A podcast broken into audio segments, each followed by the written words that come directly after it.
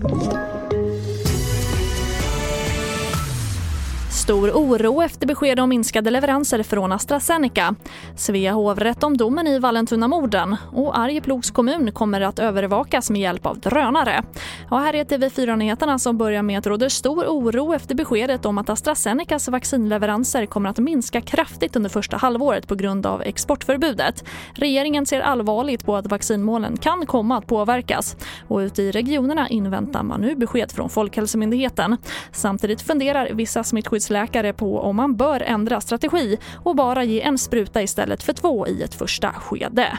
Det är väl tänkbart att man skulle kunna göra så, liksom att man eh, ja, väntar med att vaccinera de som har haft en bekräftad eh, covid-19 eller tills den, den tiden med immuna löper ut. Och det sa Hans Boman, smittskyddsläkare, Region Västernorrland.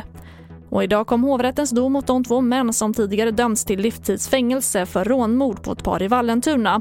En av de dömda männen, 26-åringen, frias nu för mordet på kvinnan och döms istället till fyra års fängelse för rån. Den andra mannen, 28-åringen, döms däremot till livstidsfängelse för båda morden. I förhören har båda männen skyllt på varandra. Här hör vi Peter Olivekrona, domare i Svea hovrätt.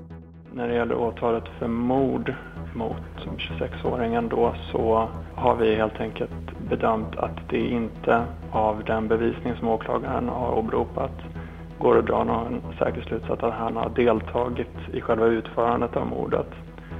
Och att det inte heller kan ställas eh, bortom rimligt tvivel att eh, eh det har förelegat något form av samförstånd mellan de tilltalade när gärningen begicks. Och vi avslutar med att stora delar av Arjeplogs kommun kommer att kameraövervakas med hjälp av drönare.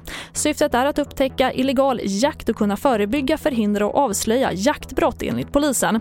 Övervakningen kommer att pågå fram till den 15 juni i år.